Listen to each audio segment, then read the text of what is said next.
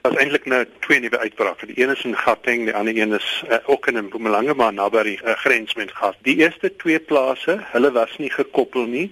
Die volgende twee plase is ook nie gekoppel nie aan enige van die ander plase. Met ander woorde, dit is vier onafhanklike uitbrake en vier verskillende bronne van infeksie, maar in nie een van die vier kan ons vir julle sê ons is 100% seker wat is die oorsprong en hoe dit ingekom. Dit beteken natuurlik dat ons kan nie sê vir boere of vir Suid-Afrika dat daar gaan nie verdere uitbrake wees en dis natuurlik 'n groot probleem vir ons. Wat staan die land nou te doen want dit is duidelik dat hierdie griep nog met ons is. Sê boere, jy moet maar sit met daai potlood en papier en dink wat kan ek ekstra doen om te keer dat die siekte of enige willevoël of enige wilde dier kan in my tuinhuise inkom en wat kan ek miskien miskien beter doen as wat ek nou doen want jy kan nooit genoeg doen jy kan net jou beste doen en drie van die vier maatskappye wat geaffekteer is is groot produsente met goeie stelsels wat geglo het en dat hulle stelsels was goed genoeg en ongelukkig was hulle nie so dan moenie 'n boer in die land wees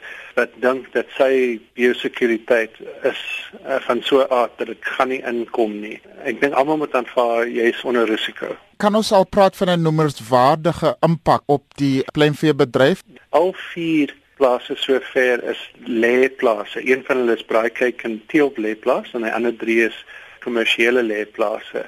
So daar's nie 'n impak heiliglik op vleisverskaffing Heidiglik is daar nie 'n impak of 'n noemenswaardige impak oor eie verskaffing, maar as dit verder versprei, kan ek verwag dat daar sal 'n impak wees. Op ons webblad is www.sapoultry.co.za. Daar's uh, eintlik 'n tag daar so oor voelgriep en daar's allerlei inligting